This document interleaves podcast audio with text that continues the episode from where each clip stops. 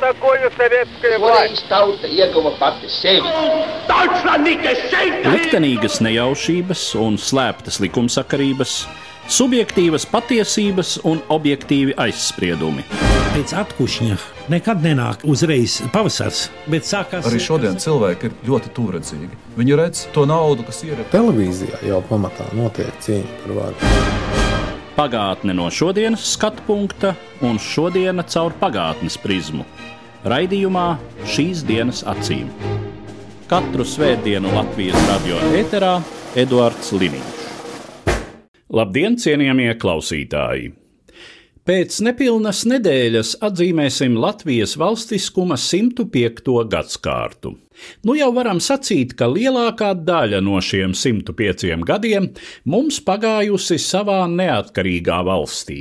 Tomēr starp diviem brīvības posmiem bija pusgadsimtu ilgs pārrāvums svešu totalitāru varu pakļautībā. Tomēr arī šajos gados nezuda brīvības un pretestības gars. Šodien raidījumu gribu veltīt tiem, kuru vārdi asociējas ar pretestību padomju okupācijas režīmam. Vispirms par tādu lielā mērā paradoxālu fenomenu kā nacionālu komunistu virziens, kura pamanāmākā figūra bija Eduards Berklaus, savulaik viens no vadošajiem Latvijas PSR funkcionāriem, vēlāk disidents un latviešu nacionālists. Par Eduardu Berklavu un nacionālu komunismu vēsturniece Latvijas Universitātes Latvijas Vēstures institūta vadošā pētniece Daina Blējere. Viņiem visiem bija kopīgs lielā mērā tas, ka tie bija uz 50. gadu vidu, 50. gadu otro pusi, relatīvi jauni kompartijas nomenklatūras pārstāvi, kuriem bija apmēram 40 līdz 50 gadu robežās. Viņi bija bijuši saistīti ar komunistisko pagrīdi līdz 1940. gadam. Daži gan varbūt, piemēram, kā Vilis Krūmiņš, vēlākais kompartijas centrāla komitejas otrais sekretārs, acīm redzot nepārāk aktīvi varbūt, un kam karjeras lēciens un aktīva darbība kompartijā sākās tikai 1940. gadā.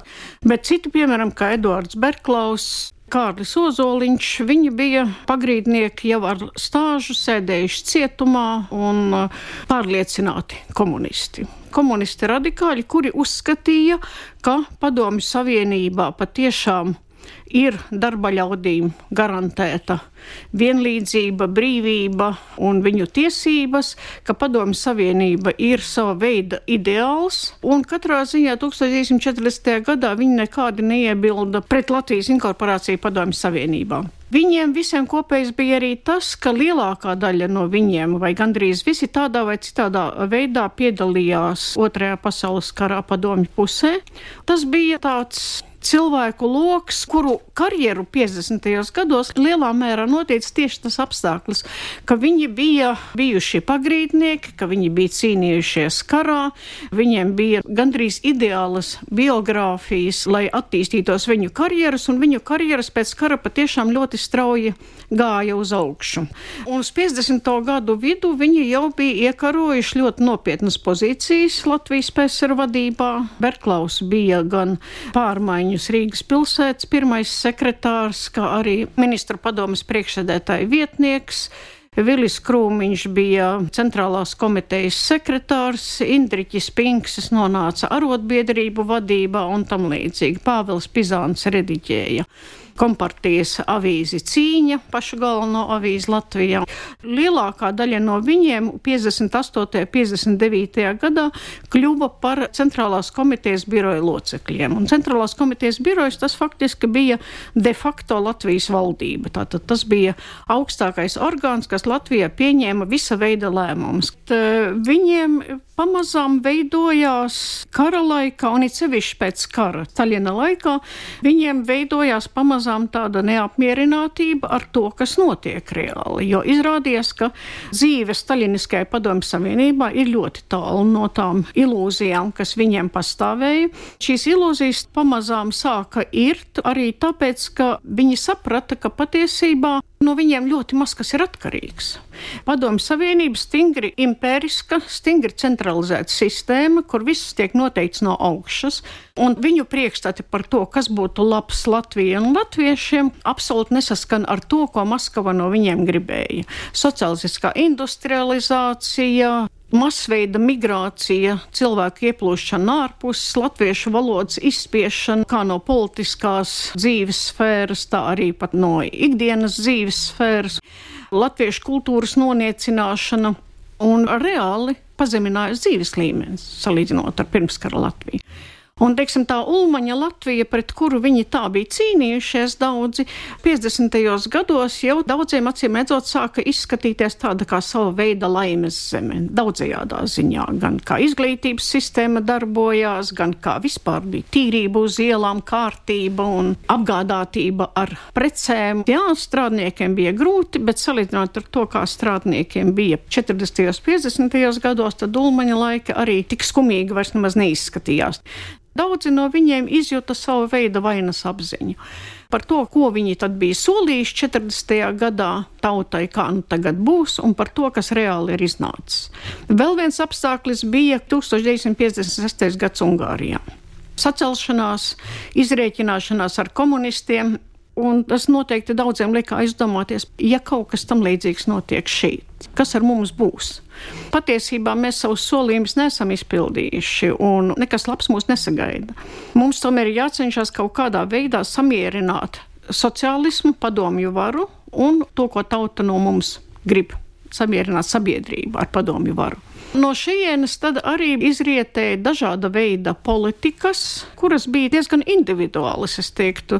Es nerunātu par nacionālu komunistiem kā kaut kādu vienotu grupu, neskatoties uz to, ka šāds viedoklis arī ir diezgan populārs un daudzi to atbalsta. Katrs faktiski darbojās kaut kur savā jomā, bet centās padarīt dzīvi labāku tajos apstākļos, kuri izveidojās 50. gadu vidū, un e, kur pastāvēja jau teiksim, tāda nedaudz lielāka rīcības brīvība. Viņu mērķis nebija graut padomju varu, viņu mērķis bija nostiprināt padomju varu. Tieši tajā laikā ļoti stipri parādījās tā ideoloģija, kuru atbalstīja arī daudzi inteliģencē par to, ka vajag iekļauties padomju sistēmā, vajag stāties partijā, vajag stāties komjonatnē, lai iekļūtu vadošās pozīcijās un lai kaut kādā veidā vadītu republikas dzīvi pozitīvākā un vēlamākā virzienā.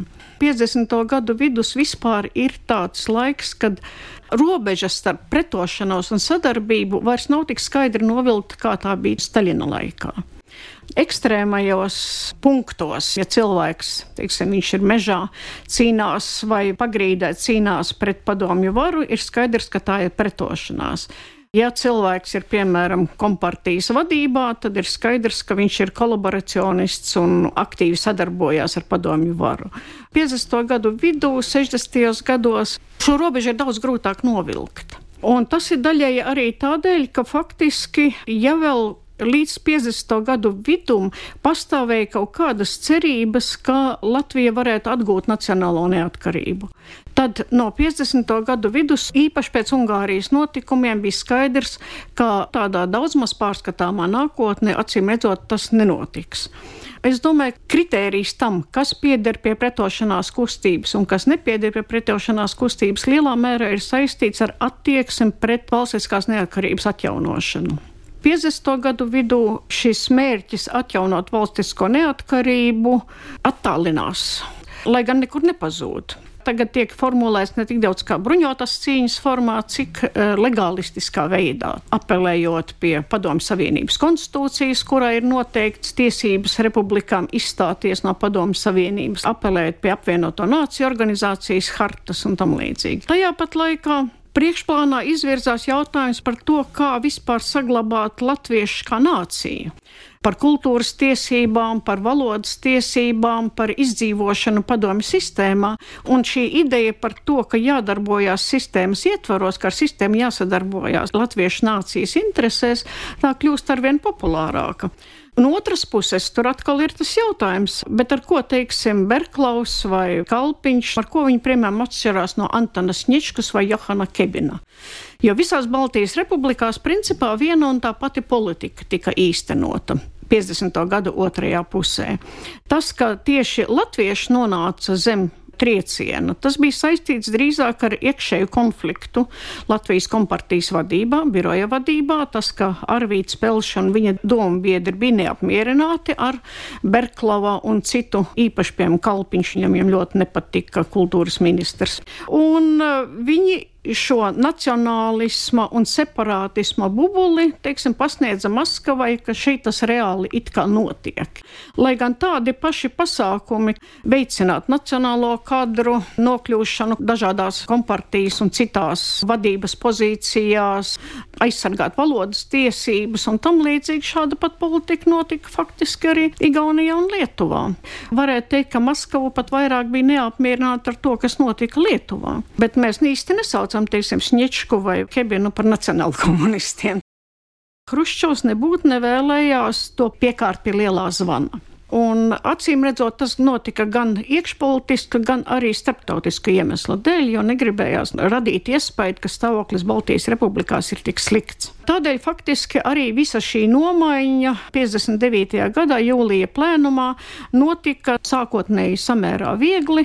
Cieta viens cilvēks tieši uzreiz, tas bija Berklaus, kuru atcēla no visiem amatiem un vēlāk pieņēma lēmumu nosūtīt viņa darba uz Krievijas Vladimiras apgabalu par kinofikācijas pārvaldes priekšnieku, kas gan arī bija nomenklatūras amats, un viņš vēl joprojām paliks starp citu PSRS augstākās padomas deputāts līdz savu pilnvaru beigām un brauca uz Maskavu uz augstākās padomas sesijām, kur, protams, Latvijas delegācija no viņa izvairījās pēc iespējas, centās nesadurties aci pret aci Kremļa kongresa pilī. Bet jau tika iezīmēti faktiski jau nākošie, tādi kā dzērbi un pinksis.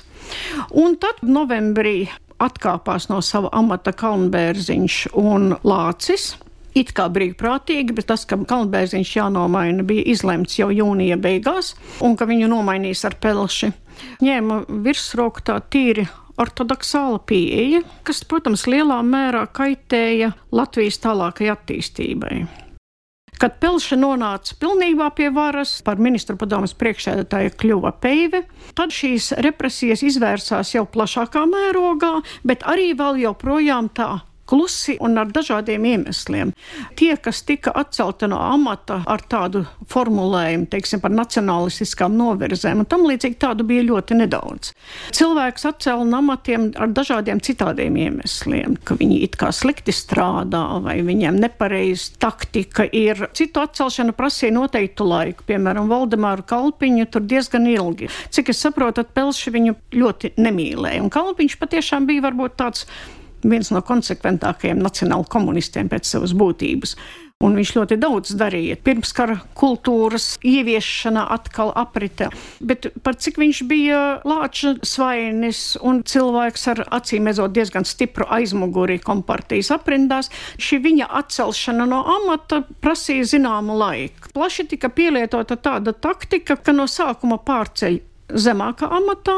Tiksim, Vili Krūmiņu no otrā sekretāra pārcēla par izglītības ministru, un pēc tam tādā neaugstākās nomenklatūras amatā par dabas muzeja direktoru, kurā viņš arī sagaidīja perestroiku atmodu. Tas ir mans pieņēmums, bet tomēr man daudzas dokumentālās liecības liek domāt, ka Pelšiem nekas nebūtu bijis pretim arī ierosināt kriminālu lietu pret Berklau politisku lietu, bet tas arī Maskavai absolūti nebija vajadzīgs. Berklaus ļoti izteikti cīnījās par tiesībām atgriezties Latvijā. Viņam neļāva atgriezties Latvijā. Viņam Vladimirā ļoti nepatika. Ir viņa dienas grāmatas saglabājušās vismaz daļēji. Patiešām dzīve tur nebija jauka. Turklāt viss tas kinofikācijas kantoris viņu vienkārši ienīda, jo viņš nestādījās priekšā, ka vispār var nestrādāt darba laikā, staigāt pa veikaliem, frizēties, skatīties filmas. Nu, īsts latviešu fašists. Jā, nu, viņš patiešām bija tāds taisnprātīgs cilvēks, kas uzskatīja, ka darba laikā ir jāstrādā. Par viņu rakstīja sūdzības nemitīgi, bet nevarēja viņu noņemt no amata, tāpēc, ka Maskava neļāva. Viņš bija pielīmēts pie šī amata.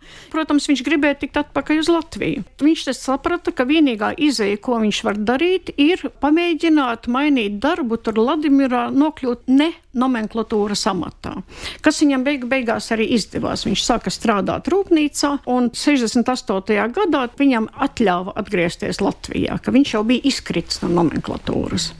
Bet viņš vēl joprojām palika kompartijas biedrs, starp citu, līdz 1972. gadam, kad jau bija nopublicēta 17 komunistu vēstule rietumos.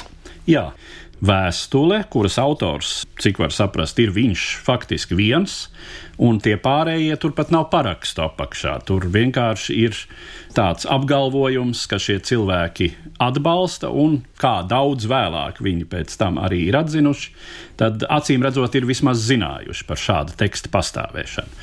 Un šis teksts, jā, nonāk ar trimdas pārstāvju palīdzību rietumos, tur tiek publicēts Teksts ir starp citu Krievu valodā rakstīts. Tā ir aktīva aprites valoda starptautiskajā kreisajā kustībā, kurai faktiski ir adresēta šī vēstule. Tātad rietumu komunistiem, sociālistiem, padomju kompartijas sadarbības partneriem, lai darītu viņiem zināmu, kas tad šeit patiesībā notiek. Vēstule tiek publicēta rietumos 1971. gadā. Jā. Un, Zviedrijā sociāldemokrāta avīzē brīvība un pēc tam arī citur. Berklaus uz apsūdzēto soli nenonāk. Lai gan cik nu var noprast, tad uh, valsts drošības komitejai kļūst skaidrs, kurš tad ir autors un kā tas ir noticis. Jā, nu, es domāju, ka tā nebija nekāda problēma, jo stils ir. Berklavam ir arī citi sacerējumi, ko viņš agrāk ir, un viņa runas un tam līdzīgi. Un es domāju, ka čekas ekspertiem nebija lielas grūtības saprast, kurš ir autors. Bet viņi vienkārši izvēlējās citu taktiku, apgalvot, ka tas ir viltojums, ka to ir sacerējuši latviešu sociāldemokrāti Zviedrijā. Bruno Kalniņš un tam līdzīgi, ja, un ka patiesībā tam nav nekāda sakara, nav šeit nekādas opozīcijas. Pats Berklaus 80. gadu beigās, 90. gados, viņš daudzos savos rakstos ir apgalvojis, ka viņš jau 50. gadu sākumā bija vīlies komunismā, ka viņš jau bija kļuvis par antikomunistu, ka viņš ir apzināti veidojis pretestības grupu Latvijas PSR augstākajā vadībā. Man gan šķiet, ka viņš drusku pārspīlēja, teiksim tā. Es nešaubos par to, ka viņam jau kaut kur 40. gadu beigās, 50. gadu sākumā jau bija lielas šaubas. Bet viņš darbojās kā pārliecināts komunists, un vēl 64. gadā Vladimirā viņš savā dienas grāmatā raksta sekojoši ja nekādi vairs nespēja iespaidot partijas gaitu, ja nekādi vairs nespēja palīdzēt savai tautai ļeņinisma idejas atjaunošanai, kāda jēga tad ir saglabāt sevi partijā?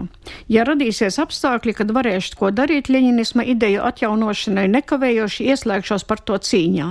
Respektīvi, šajā laikā, acīm redzot, viņš joprojām ir tas, ko sauc par reformu komunistu, un kādi arī bija tie, ko mēs saucam par nacionālu komunistiem. Cilvēki, kur gribēja padarīt komunismu labāku, vai kā Valdemārs Kalpiņš rakstīja 1993. gadā, sociālismu ar cilvēcisku seju mēs gribējām uzbūvēt. Acīmredzot, viņā notika zināma evolūcija, kura tad arī izpaudās vēlāk šajā 17 komunistu vēstulē, kad pamazām, pamazām viņš kļuva arvien antikomunistiskāks, arvien nacionālistiskāks, un kas arī izpaudās vēlāk viņa darbībā 80. gados un 90. gados. Bet faktiski arī šī 17 komunistu vēstule ir interesanti, ka tā arī ir faktiski rakstīta no tām pašām reformu komunistiskajām pozīcijām par to, ka komunisms ir labs, bet ka nav pareizi padomju nacionālā politika Latvijā, ka tā ir kaitīga latviešu tautai. Jautājums, protams, ir par to, cik lielā mērā tas bija taktikas jautājums, cik lielā mērā tas ir viņa patieso uzskatu jautājums tajā laikā pieļauju, ka vēl joprojām viņam kaut kādas šīs komunistiskās ilūzijas saglabājās. Bet, ja tas bija teiksim, tāds taktisks gājiens, tad patiesībā tas bija ļoti gudrs taktisks gājiens, jo tas patiešām radīja lielu troksni, lielu atpazīstamību rietumos un lielas galvas sāpes Latvijas PSR funkcionāriem kādu neradīja parasti kaut kāda veida paziņojumi, memorandi, kas tika rakstīti no tādām neatkarības atgūšanas, no izteikti antikomunistiskām pozīcijām. Turpinājumā par cilvēku, kurš kļuvis par nacionālās nevardarbīgās pretošanās simbolu, par Gunāru Astru. Pirmoreiz notiesāts par pretpadomju darbību 1961. gadā, Astra tomēr nemainīja savu pārliecību un rīcību. Tas viņu noveda uz apsūdzēto sola vēlreiz jau padomju totalitārā komunisma fināla fāzē 1983. gadā. Par Gunāru Astru un latviešu pretestības kustību Padomju Savienības pēdējās desmitgadēs vēsturnieks Ritvars Jansons. Gunāru Astru nevar dēvēt par tradicionālu disidentu. Mums tomēr jāskata okupētās Latvijas konteksts ar visu Padomu Savienību, un Padomu Savienībā disidentu kustība bija aktīva, it sevišķi pēc 1975. gada Helsinku vienošanās Eiropas drošības sadarbības organizācijas paktu parakstīšanas.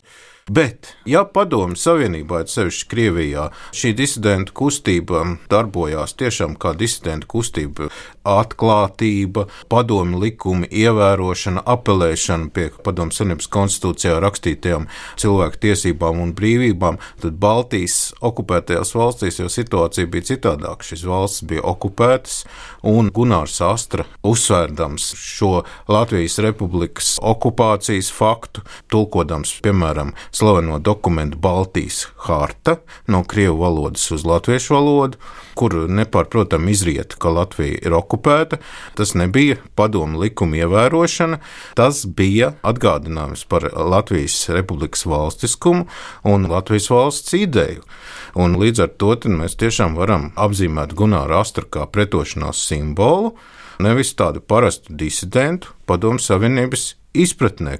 Es jau minēju šo Baltijas hartu, šo 48 Baltijas pretošanās dalībnieku un disidentu parakstīto dokumentu, kas 1979. gadā aicināja pasaules valstis, ANO dalībnieces it sevišķi PSRS, Vācijas Federatīvo republiku un Vācijas Demokrātisko republiku, kā Vācijas un PSRS pušu 39. gada 23. augusta Staļina-Hitlera pakta parakstītājs anulēt šo vienošanos, kas tika noslēgta 39. gadā. Tas nozīmēja atjaunot Baltijas valsts neatkarību. Un šeit es saskatu ļoti lielu Gunāra Astras lomu. Ir šis Latvijas PSR krimināla kodeksa pants 61. par pretpadomu aģitāciju un propagandu, kas ir galvenais viņa apsūdzības pamats. Bet, ja mēs šo apsūdzību skatāmies stingri juridiski, tad lielākajā daļā šī apsūdzība nav pierādīta, jo, piemēram, par atsevišķu literāru darbu glabāšanu jau cilvēku arī pat pēc šī padomju krimināla kodeksa panta nevarēja tiesāt. Astram, protams, arī visa šī grāmatu glabāšana tiek ieskaitīta apsūdzībā, jo apsūdzība jau tika izvirzīta un pats krimināla process pret Astru tika sākts ne jau lai noskaidrotu patiesību.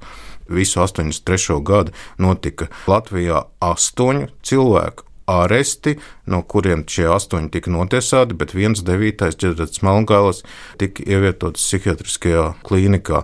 83. gads bija ļoti grūts gads Padomu Savienībai, bija milzīga gan iekšpolitiska gan ārpolitiska krīze, un galvenokārt ārpolitiska krīze notika Amerikas Savienoto Valstu un Padomu Savienības kā divu pasaules lielvaru cīņa par strateģisko ieroču pārākumu pasaulē pēc 1979. gadā veiktās Afganistānas okupācijas, Korejas lidmašīnas notriekšanas dēļ tālajos austrumos 83. gada 1. septembrī Padomu Savienība nonāca pie tā, ka sarunas par strateģiskiem ieročiem 83. gada beigās tiek pilnīgi pārtrauktas un būtībā Padomu Savienība nonāk kara priekšvakarā, lai nepieļautu šādā momentā.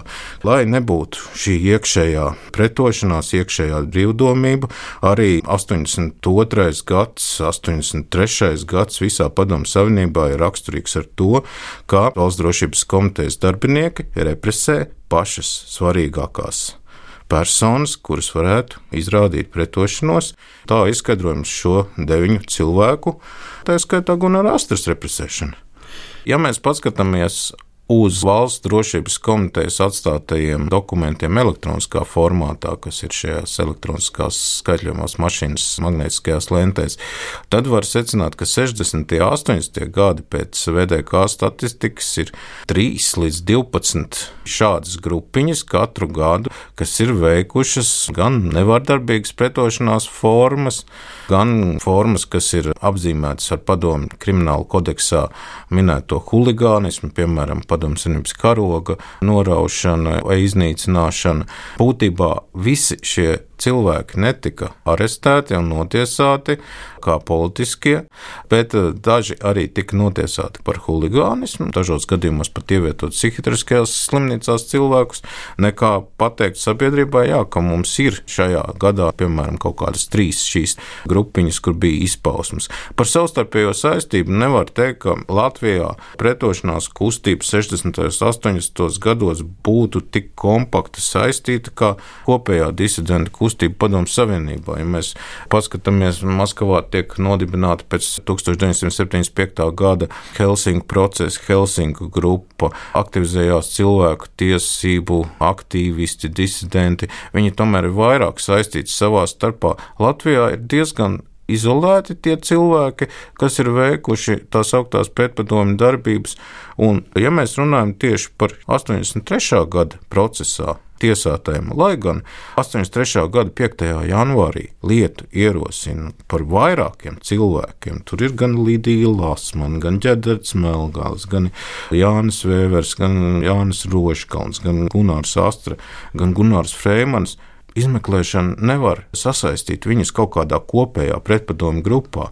Iespējams, ka tāds bija sākotnējais mērķis parādīt, ka ir izveidota ar rietumu palīdzību ar centrālās izlūkošanas pārvaldes, ar gaismas akcijas un mācītāju Pauli Kaviņu palīdzību. Šāda liela grupa, bet nu, tā reālā tiesāšana izpaužās tādējādi, ka no šīs lielās lietas tiek izdalīti atsevišķi cilvēki, un, piemēram, Gunārs Freimans, Gunārs Astra tiek tiesāti atsevišķi par vienu darbību, Jānis Vēvers, Jānis Roškalns par citu darbību, un Lidija Lasmaņa, Ģerets Melgāts sakal vēl par citu atsevišķu darbību lietā, un kas ir savstarpēji nesaistītas.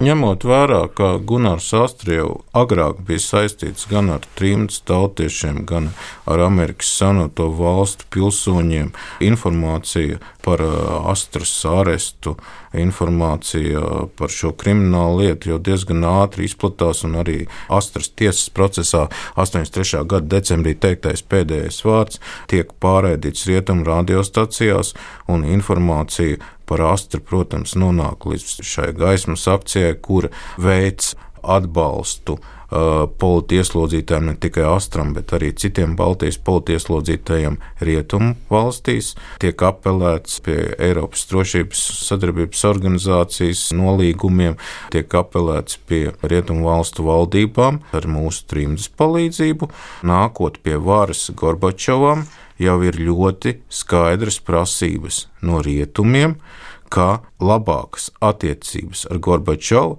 būs tikai tad, kad Padomu Savienībā disidenti un pretošanās kustības dalībnieki tiks uzskatīti par politieslodzītiem, un viņi tiks amnestēti, atbrīvoti. Un tā tas pamazām arī notiek, jo Gorbačovam nav citas izvēles. Ja grib valsti modernizēt un uzturēt kaut cik normālas attiecības ar rietumiem, tad bija Astra arī 1988. gadā jāatbrīvo. Šie cilvēki parādīja, ka pat vispārējais apātijas nolieguma apstākļos, kāds ir 80. gadu sākums, ir iespēja efektīvi izrādīt pretošanos nevardarbīgā veidā. Tas nav Staļina laiks, kad ir iespējama bruņota pretošanās pēckara gados.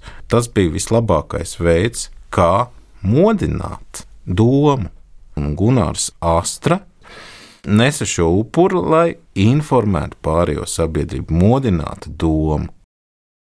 Līdz ar to mūsu raidījums šodien izskan. Dzirdējāt vēsturniekus Dainu Blējeri un Ritvaru Jansonu. Uz redzēšanos, cienījamie klausītāji! Katru svētdienu Latvijas radio viens par pagātni sarunājas Eduards Līniju.